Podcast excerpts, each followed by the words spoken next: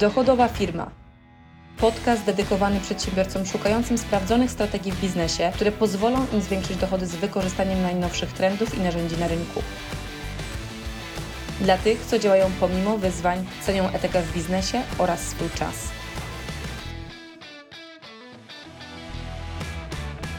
W jaki sposób faktycznie tak prowadzić rozmowę, aby tu klient proaktywnie wyciągał rękę po to, co sprzedajesz? Czy to są produkty, czy to są usługi? Tutaj tak naprawdę potrzebujemy zrozumieć, jak najczęściej się faktycznie tę sprzedaż zabija, bo najczęściej jest to kwestia tego, że po bardzo krótkiej e, cyklu e, pytań osoba sprzedająca przechodzi bardzo szybko do przedstawienia oferty, bardzo szybko tak naprawdę chce pokazać wszystkie możliwości, które może dać z rozwiązaniem, które proponuje. I to powoduje, że pierwsza nasza reakcja jako klienta jest jaka?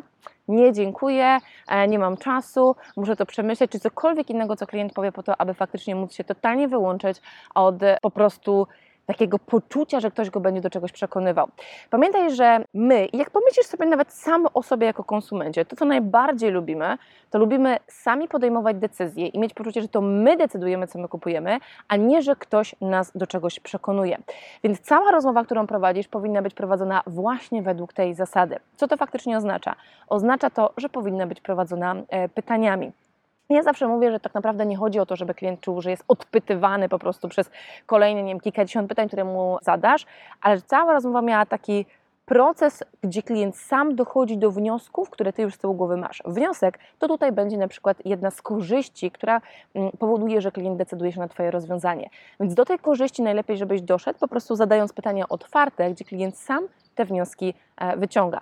Przykład, jeżeli na przykład wiem, że argumentem, który będzie stanowił za tym, że klient będzie zainteresowany na przykład rozwiązaniem do rekrutacji programistów, powiedzmy, że sprzedajesz do firmy, która jest firmą e, rekrutującą takich programistów i jesteś w stanie skrócić ten czas z kilku tygodni, z miesiąca, z półtorej miesiąca do dwóch, trzech dni to jak możesz do tego doprowadzić pytaniami? Na przykład zadasz pytanie na początku, a powiedz mi, powiedzmy, że klientka nazywa się Kasia, ile mniej więcej u Was trwa mm, rekrutowanie takiej osoby? Dostajesz odpowiedź, następnie zadajesz pytanie, a czy ten czas to jest faktycznie coś, co Wam w 100% odpowiada, czy czasami masz poczucie, że to jest troszeczkę za długo, albo za krótko, albo może tutaj faktycznie będzie za długo raczej niż nie za krótko.